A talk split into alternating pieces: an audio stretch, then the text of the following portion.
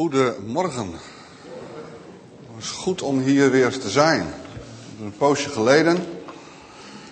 Het had al eerder gezult. Willem en ik uh, vinden het fijn om ze nu en dan even te ruilen. Om even elkaars kudde te bekijken.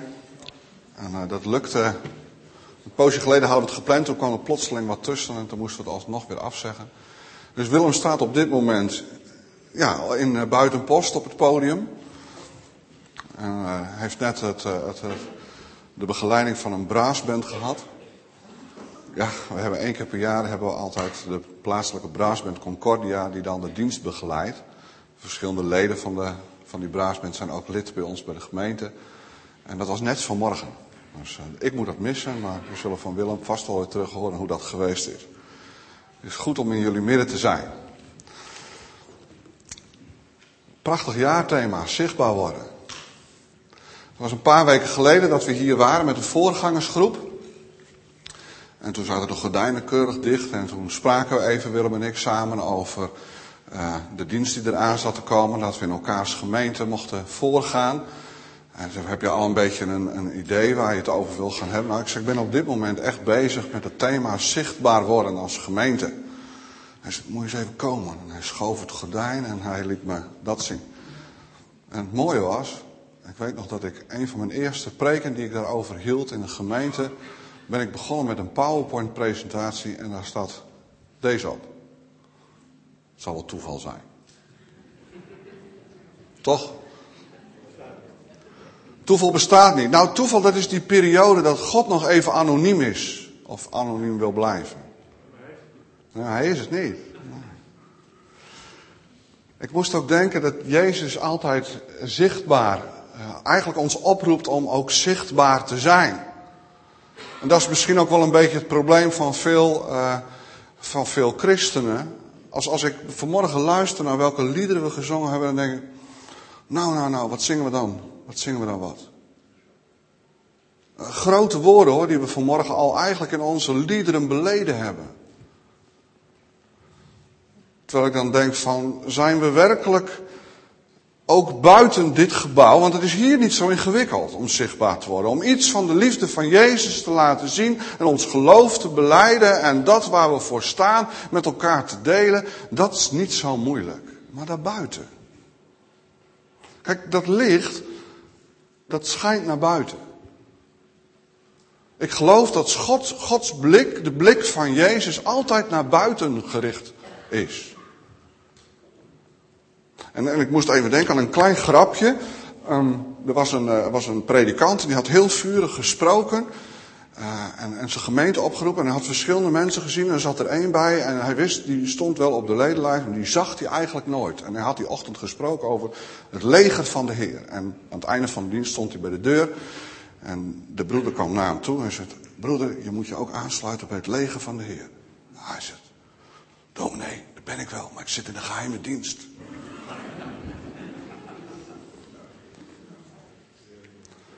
Als dat het beeld is wat buiten van ons is, dan moet je je serieus afvragen of we op de goede weg zijn.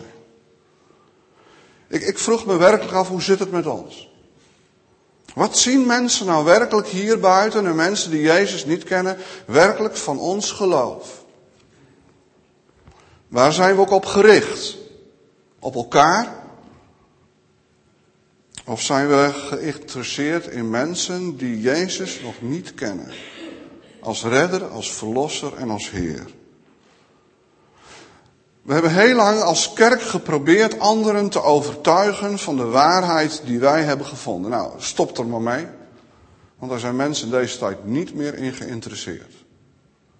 Dat waarheidsdenken. Vanuit de New Age gedachte en het postmodernisme is het gewoon heel helder dat mensen niet op zoek zijn naar waarheidsvinding. En dat betekent dat we op een andere manier moeten proberen contact te krijgen. Ik geloof dat vandaag de dag, en kijk maar gewoon wat er op dit moment gaande is in de wereld, het spirituele, waar enorm veel aandacht voor is. Er is wel meer tussen hemel en aarde, dat soort gedachten. En is er dan iets in ons waardoor er een verlangen bij anderen opgewekt wordt naar God? Ik geloof dat Jezus dat heel duidelijk deed. In de manier hoe hij met mensen opging, hoe hij ze tegemoet trad, wekte hij een verlangen in hen op naar God. Ik wil vanmorgen met jullie aan de hand van een hele bekende gelijkenis nadenken over vragen. Eigenlijk als een soort thema hebben we onze blik werkelijk naar buiten gericht en vragen als van wie roept ons nou in de wereld om hulp en waar bestaat die roep uit? En in de behandeling van dat soort vragen houden we onszelf, hou ik mezelf een spiegel voor met betrekking tot waaraan zijn wij nou herkenbaar? Wat zien mensen van ons? Nou, ik ga dat doen aan de hand van de gelijkenis die we lezen in Lucas 15. En sla dat maar eens even met me op.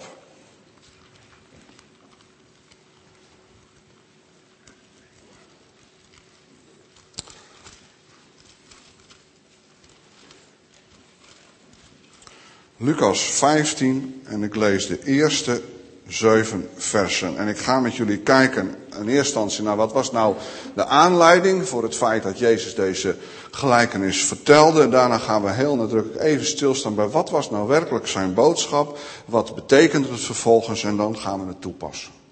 Nou, en als dat gebeurt is, is het afgelopen. Zo, zo simpel is het eigenlijk. Lucas 15, vers 1 tot en met 7. Alle tollenaars en zondaars kwamen hem opzoeken om naar hem te luisteren. Maar zowel de fariseeën als de schriftgeleerden zeiden morgen tegen elkaar, die man ontvangt zondaars en eet met hen. Jezus vertelde hun toen deze gelijkenis. Als iemand van u honderd schapen heeft, waarvan er één verloren is geraakt, laat hij dan niet de 99 anderen in de woestijn achter om naar het verdwaalde dier op zoek te gaan, tot hij het gevonden heeft. En als hij het gevonden heeft, legt hij het vol vreugde op zijn schouders en gaat naar huis. Daar roept hij zijn vrienden en buren bijeen en zegt tegen hen, deel in mijn vreugde, want ik heb het schaap gevonden dat verdwaald was. Ik zeg u, zo zal er in de hemel meer vreugde zijn over één zondaar die tot inkeer komt, dan over 99 rechtvaardigen die geen inkeer nodig hebben. Wat doet Jezus? Wat, wat is de aanleiding? Jezus zoekt contact met mensen in de samenleving.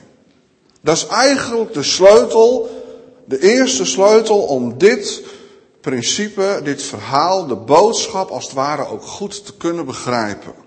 Jezus is actief gericht op mensen in nood. En dat wordt hem ook verweten. In het eerste vers staat, wordt, wordt duidelijk dat Jezus een hele grote aantrekkingskracht heeft op mensen die als het ware aan de rand van de samenleving staan. Er wordt gesproken over zondaars en over tollenaars. Nou, dat vinden we altijd wat lastig in onze tijd, want bij zondaars, dan zijn de mensen, zoals de Bijbel dat een beetje omschrijft, uh, dat, dat zijn toch al snel de prostituees. En dat zijn de mensen die in seksuele onreinheid leven. En de tollenaars, dat zijn de mensen die een ander geld aftrokken. Nou, daar herkennen wij ons niet in. Nou, dat vind ik te gemakkelijk. Dat zeg ik er maar heel eerlijk bij. Zondaars en tollenaars zijn mensen, ik ga het heel vrij toepassen, die leven buiten de vrede van God. Dat zijn mensen die hun eigen weg kiezen in het leven. Die Jezus gewoon niet kennen. Die God niet kennen als een vader die zijn hart opent vanuit de hemel. En die tegen je zegt, ik hou van jou. Mensen die gewoon nog op dit moment buiten staan. En het bijzondere is dat Jezus een hele grote aantrekking. Er is iets in deze man wat een verlangen bij hun opwekt. En dat zie je in het eerste vers. Ze wilden naar hem toe. Ze wilden horen wat hij te vertellen had. Dat zijn de mensen die eigenlijk niet leven volgens de normen en waarden die we als, als, als, als gelovigen zo hoog in het vaandel kunnen hebben. Dat zie je hier ook terugkomen. En het is ook direct een verwijt aan Jezus. Hoe kan je nou met die mensen omgaan? Waar je mee omgaat, daar word je mee besmet. Maar zijn boodschap doet iets. Ik vind het mooi dat Jezus altijd actief contact zoekt met mensen in de samenleving en heel nadrukkelijk aansluit bij, bij hun behoeftes. Prachtig voorbeeld is dat verhaal met die Samaritaanse vrouw. Vanmorgen hebben we mooi lied gesprongen. Geef mij ook uw waterbronnen. Dat we vol mogen zijn van, die, van, van de bron van levend water. Dat er in ons een fontein mag ontspringen. En Jezus ontmoet een vrouw. In, in, op het midden van de dag. Een vrouw die eigenlijk waar de Joden niet meer omgaan. was ook nog iemand van een andere nationaliteit. Een Joden en Samaritanen. Nou, dat, dat, dat ging niet zo lekker. En midden op de dag sluit hij aan bij de omstandigheden. Er is water aan het putten en het is bloedheet. En ik weet niet of je wel eens in Israël geweest bent. Het afgelopen jaar ben ik er geweest en ik hoop er over een aantal weken weer naartoe te gaan. Maar pas als je daar geweest bent, weet je wat hitte en wat droogte is. En snap je ook wat de Bijbel daarmee bedoelt. En midden op de dag ontmoet hij een vrouw waar je normaal gesproken niet meer om zou gaan. En Jezus zegt, en ze is water aan het putten. En Jezus zegt, als je, als, als je wist wat ik je zou kunnen geven. Ik heb iets voor je als je dat gaat drinken. Ik heb water voor je als je dat drinkt, zul je nooit meer dorst hebben. Nou, dat wil ik wel, zegt die vrouw. Jezus wekt een verlangen en een interesse op in de manier waarop hij met haar omgaat, haar tegemoet treedt. En hij biedt haar iets aan. Ik heb iets voor je. Hij komt niet met zijn waarheid. Hij komt ook niet met zijn veroordeling. Hij weet, hij weet al lang wat er in het leven gaande is van deze vrouw. Maar hij begint vanuit de relatie. Hij zoekt het contact. En hij biedt haar iets aan. Sluit aan bij waar zij zich op dat moment, waar, haar, waar ze mee bezig is. En dan ook nog in gevaarlijke omstandigheden. Want hij bevond zich in het gebied tussen uh, hij, hij, was eigenlijk, hij stapte in haar leefwereld, hij was onderweg van Judea naar Samaria en komt dan vervolgens in onveilig berglandschap terecht. Daar vindt deze ontmoeting plaats. En dat vind ik een bijzonder verhaal. En er wordt interesse gewekt. En je ziet als je het verhaal, dan moet je thuis maar eens lezen, als je ziet wat er gebeurt met deze vrouw. Dan zie je dat wat Jezus doet, haar leven verandert. Ja, dat wil ik wel, zegt Jezus. En dan biedt hij haar aan en hij vertelt en uiteindelijk maakt hij bekend wie die is. En het zet deze vrouw aan en het geeft een grote verandering. Sterker nog, zij wordt een getuige.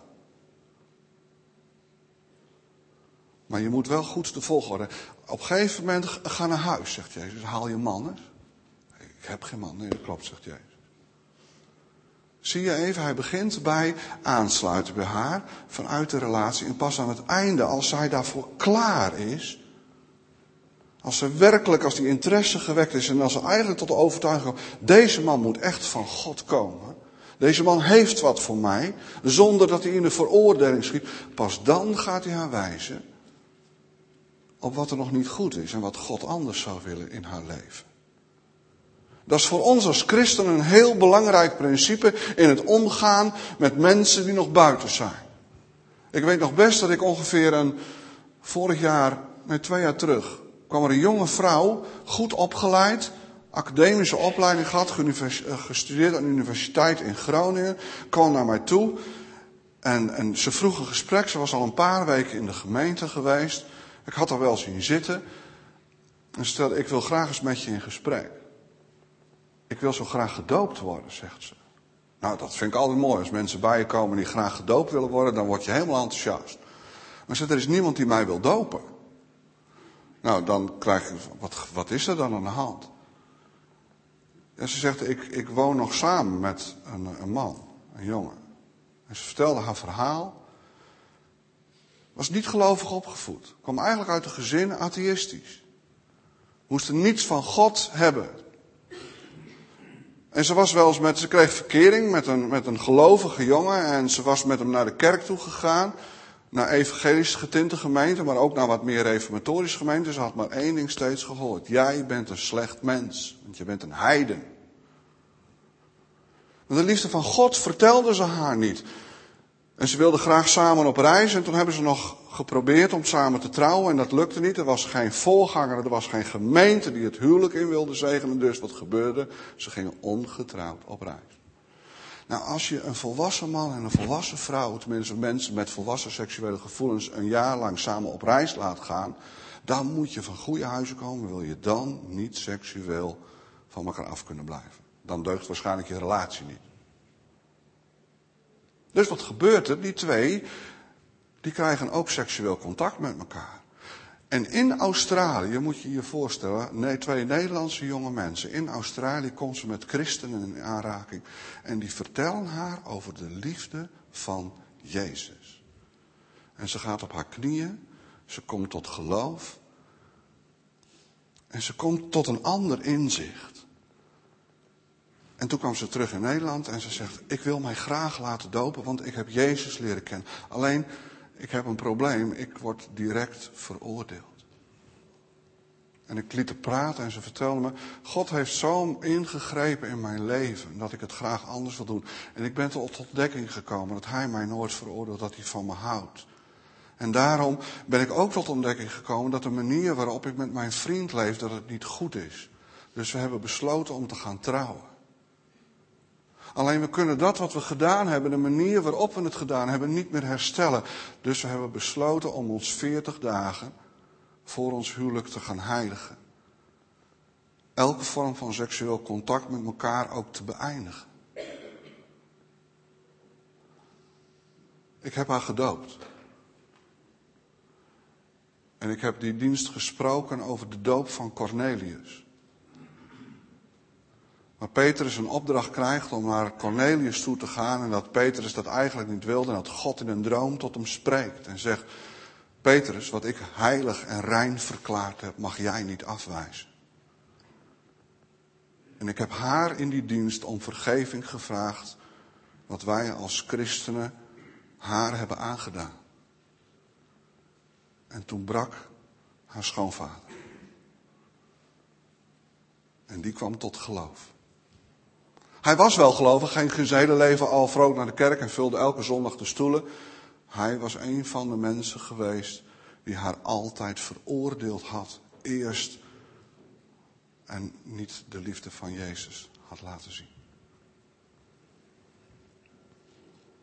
Jezus kiest voor contact met mensen.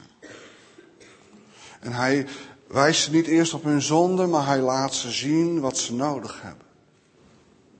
En daarom neemt hij ook die reactie eigenlijk voor lief die hij krijgt van de gelovigen uit zijn tijd, van de fariseeërs, van de schriftgeleerden, de godsdienstige mensen.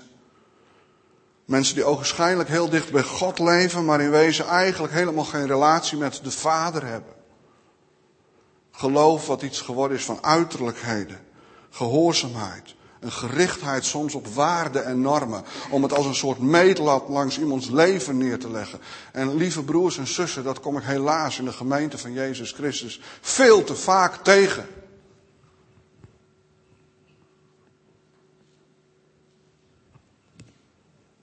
Wat is Jezus boodschap nu?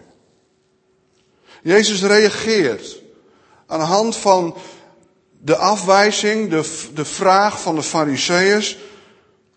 Maar hij laat zien dat, dat die mensen die nog buiten staan, dat God hen van grote waarde vindt. Wat ligt daar nou onder? En dat vertelt hij in de hand van een gelijkenis. Er was dus een herder. En die had honderd schapen. En dan begint hij eerst met een vraag. Als iemand van u. En dat alleen al was een hele confronterende vraag voor de gelovigen uit die tijd. Want een herder was iemand van een minderwaardig, uh, ja, een minderwaardig niveau. Dat, dat waren robuuste kerels, daar wilde je eigenlijk niks mee te maken hebben. En dan zegt hij tegen gelovige mensen die uh, volgens de hoge normen en waarden van God toch in het leven staan en dat ook durven laten zien. Kijk mij eens hoe gelovig ik ben als iemand van u. Honderd schapen zou hebben. En hij mist er één, dan gaat hij op zoek.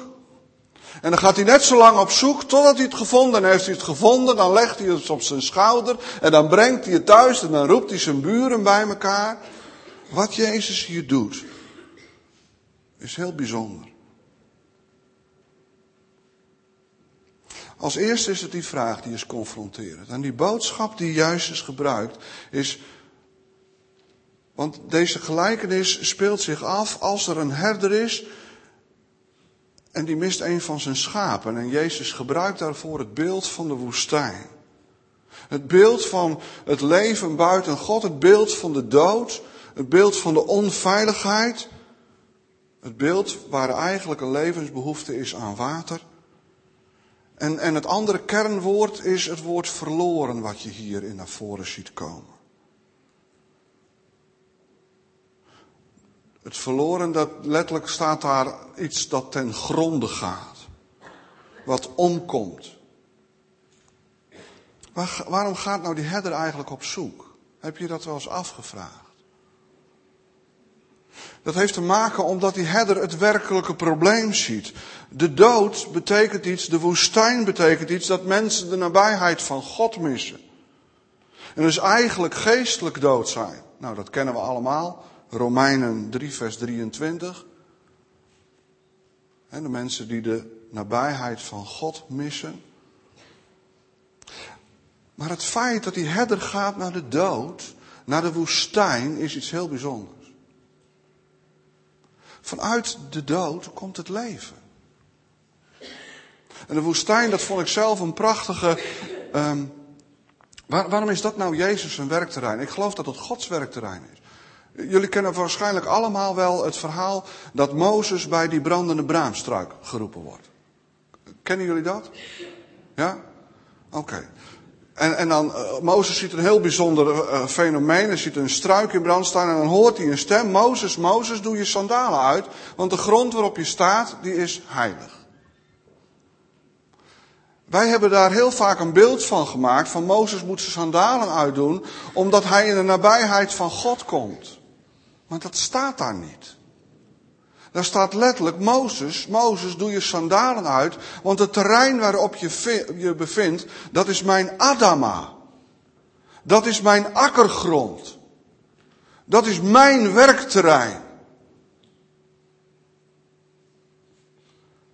En Mozes bevindt zich in de woestijn. En als je een beetje Hebreeuws uh, kent, of in staat bent om het thuis na te zoeken, dan moet je me maar controleren. Ik kan je dat nu helaas niet aantonen. Maar daar staat letterlijk, Mozes, Mozes, doe je sandalen uit, want je bevindt je op mijn Adama. Dat is akkergrond.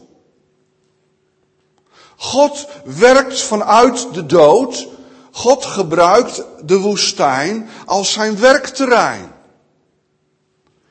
En dat beeld, dat principe zie je door de hele Bijbel op verschillende momenten terugkomen. Israël werd pas een volk nadat het uit de Israël gekomen was door de woestijn. Eerst was het gewoon een groep Hebreeërs. En pas toen werd het een volk. De gelijkenis van de zaaier en het zaad. Het moet eerst sterven in de grond, pas dan draagt het vrucht denken aan Jezus zelf. Hij moest door de dood heen om mensen het nieuwe leven te geven. Dus de oplossing die God kiest, is werken op een terrein, in een omgeving, waar de dood het voor te zeggen heeft. God, dat is mijn werkterrein. Dat is mijn akkergrond. Daar zal ik wat laten groeien. Daar wil ik het leven brengen, want daar is het nodig. En ik geloof dat dat principe hierin zit, in deze gelijkenis. Wat betekent dit nu? Het gaat hier natuurlijk om de betekenis van die eigen. En ik vond dit zo mooi passen bij jullie jaarthema zichtbaar worden. En ook bij dit, bij het thema van deze maand. Hoe ben ik nou herkenbaar? En ik heb een toepassing gekozen. Weet je, we kunnen als kinderen van God vol compassie zijn. We kunnen heel bewogen zijn met de wereld. Maar als jij hier komt om zondags alleen maar de stoelen te vullen, dan heb je een probleem. Als je hier komt alleen maar om zelf vol te worden van het koninkrijk van God, dan heb je een probleem. Want God heeft jou niet tot leven gewekt om alleen maar zondags de stoelen te vullen in de open thuisgemeente in Drachten. Of in Buitenpost, of waar dan ook. God heeft jou tot leven gewekt met een doel. Met een bedoeling. Jouw leven heeft betekenis. En daar moeten wij veel meer als kinderen van God van doordrongen raken. Ik geloof ook dat we daarom moeten nadenken over soms andere vormen van kerk zijn. Wij kunnen prachtige events organiseren. En dan hopen we allemaal dat ze bij ons komen. Dat is jarenlang de gedachte geweest. Nou, dat is heel simpel. Het enige wat ik doe, als ik in Buitenpost een groot event uh, organiseer, een geweldige samenkomst. Binnenkort hebben we dat weer, de paasprees, komen 7500 mensen. Tenminste, vorig jaar was dat zo. Zal dit jaar niet anders zijn. Maar als ik naar kijk wie daar komen, dan zijn dat bijna allemaal de schaapjes van andere herders. Laat maar heel eerlijk zijn. Dus wat ik doe, ik pik de schapen in en ik krijg oversturen herders.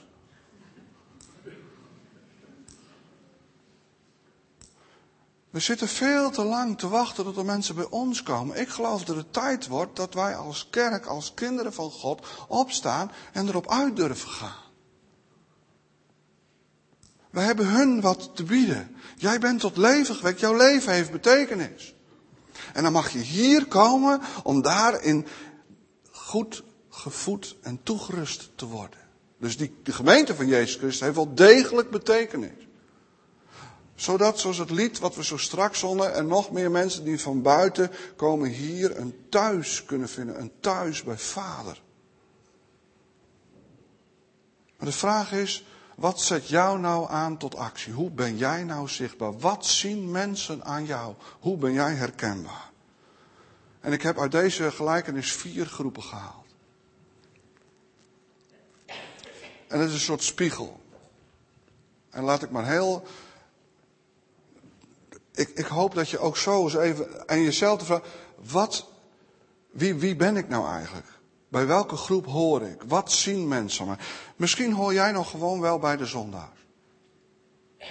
Misschien ben jij wel degene die Jezus nog niet kent en die de nabijheid van, van de Vader nog niet kent. Die, die dat hart van de Vader nog nooit gezien heeft. Misschien zit je hier wel, ook al kom je hier al vrij regelmatig en misschien ook al heel lang, maar misschien heb je nog nooit werkelijk Jezus aanvaard als redder en verlosser en daardoor de liefde van God niet in je hart kunnen toelaten. Dan hoor jij bij de zondaars. Dan ben je niet een slecht mens, dan ben je iemand waar Gods hart naar uitgaat. En dan zegt God vanmorgen tegen je, ik ben blij dat je er bent. En ik wil niets liever dan mijn liefde aan jou bekendmaken. En ik wil dat je kind een huis wordt. Dat je kunt, straks, ik wil namelijk met jou delen, ik heb een geweldige erfenis en ik wil daarvan delen met jou. Ik heb iets voor je. Misschien hoor je ook wel bij de fariseeërs. Dat zijn mensen die volgens een heel hoog normen- en waardepatroon leven. Die zijn heel zeker van hun geloof, maar ze zijn ook bang om besmet te raken. En dan denk je misschien wel, ach, dit heb ik niet zo nodig, deze boodschap van Jezus. Het is oké zoals ik leef. Ik kies voor de veiligheid. En de woestijn, de dood, staat eigenlijk ver van hun leefwereld en hun denkwereld af. En er is een gerichtheid op hunzelf. Misschien de derde, misschien hoor je wel bij de achterblijvers. Want in die gelijkenis zie je ook dat de herder erop uitgaat, er is één mis en er blijven 99 achter. Ik denk wel eens, misschien vind je het wel volgens mij is dit voor een deel de gemeente van Jezus Christus. We hebben het goed, want we hebben het zo veilig. Wij, wij zijn al thuis. En we blijven ook achter. En ik weet wel, in de commentaren wordt het op een hele verschillende manier uitgelegd. Maar je ziet hier toch iets in van passiviteit. Ze blijven achter. Ze blijven heerlijk zitten waar ze zitten en worden vol van. En de vierde, dat is de herder. Die heeft niet alleen compassie. Die heeft niet alleen passie voor mensen. Maar die gaat op zoek. En die gaat net zo lang op zoek totdat hij het gevonden heeft. En hij gaat naar onveilige plaatsen. Hij neemt risico's. En op het moment dat hij het gevonden heeft, dan gaat hij feest vieren. Dan is hij blij met een klein resultaat. Ik, de broeder oudste vanmorgen, toen ik begon, vond ik zo mooi. Het zit vaak niet in de grote dingen, het zit in de kleine dingen. En de vraag is hoe je een herder kunt zijn. En misschien zit het wel, misschien moeten wij eens blijer worden met het kleine resultaat. Als evangelisch christen, eh, het, het, zeggen, er is pas een opwekking, een opwekking als Gods geest met kracht werkt. En wij zoeken het spektakel.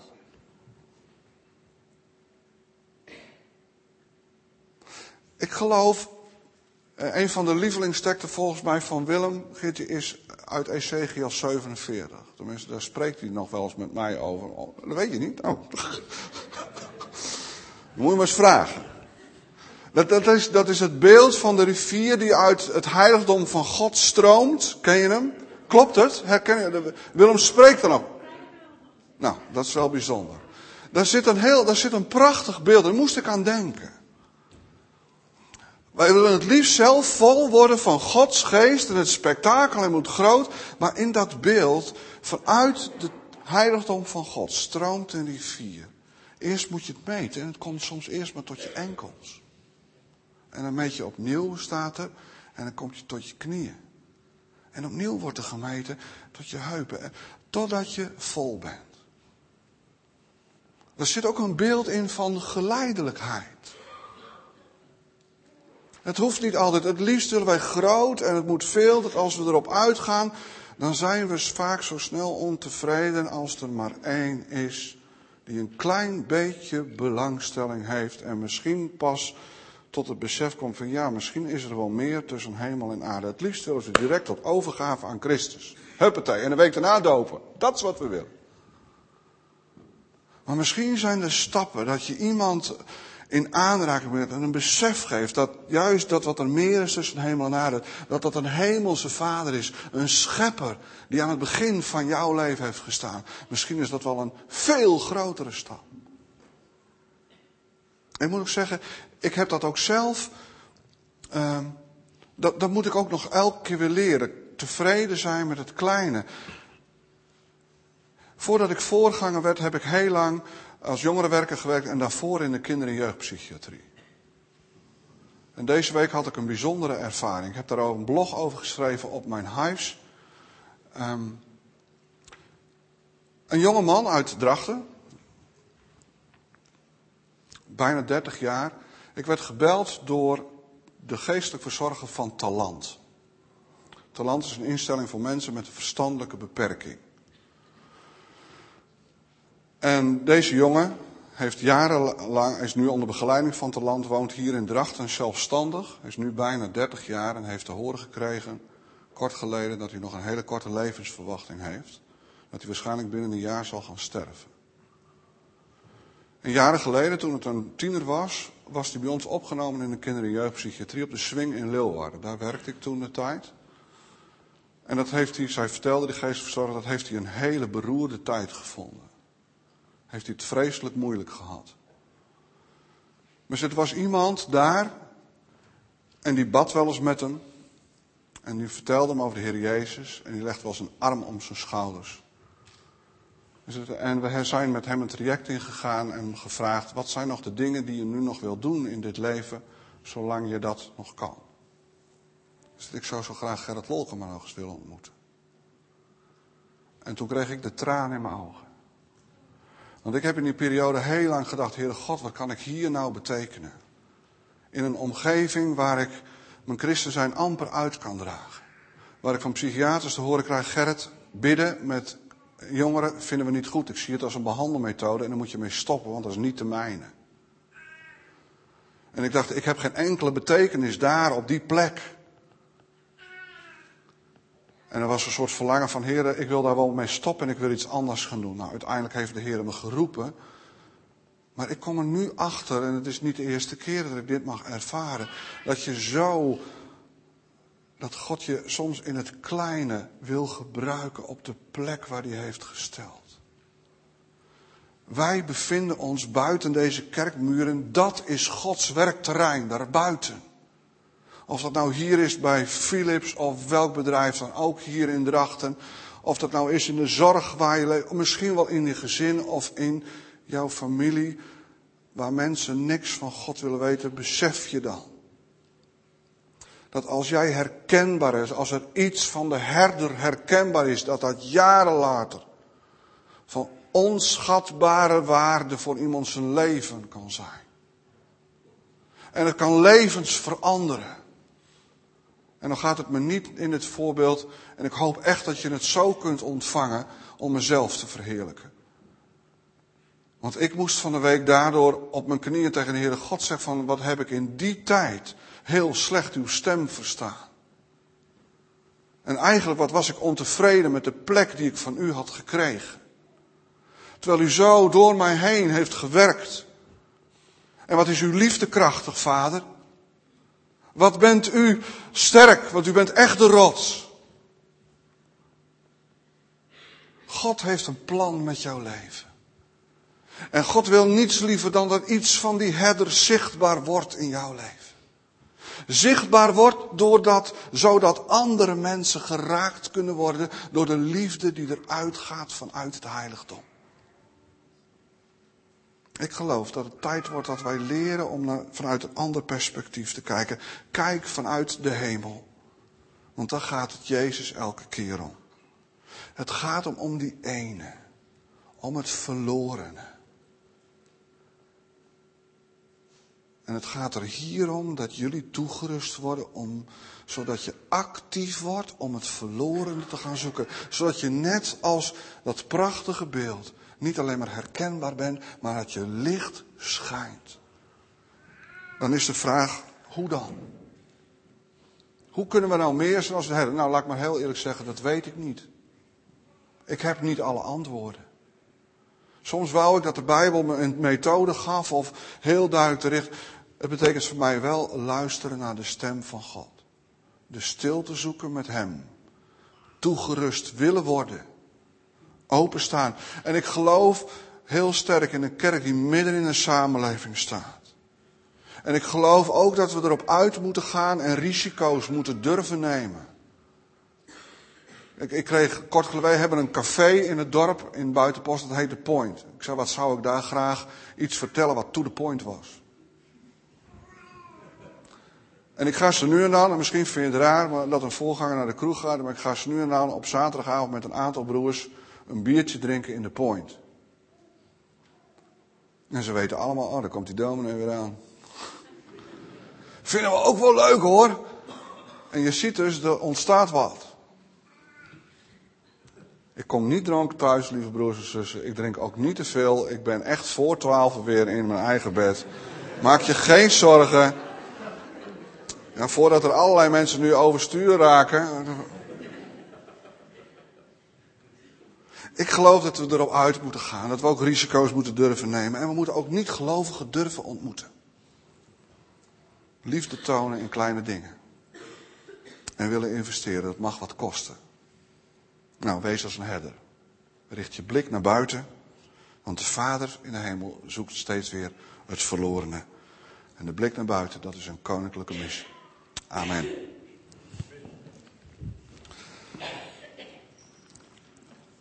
Ik heb een, eh, een, lied uitgezocht, dat kwam ik van de week tegen. En ik ben heel blij met de muziek. Ik moest vanmorgen weer even terug. Ik, kijk even naar jou. Ik heb zo genoten van die viool. Hè? En weet je waarom? Dat zal ik.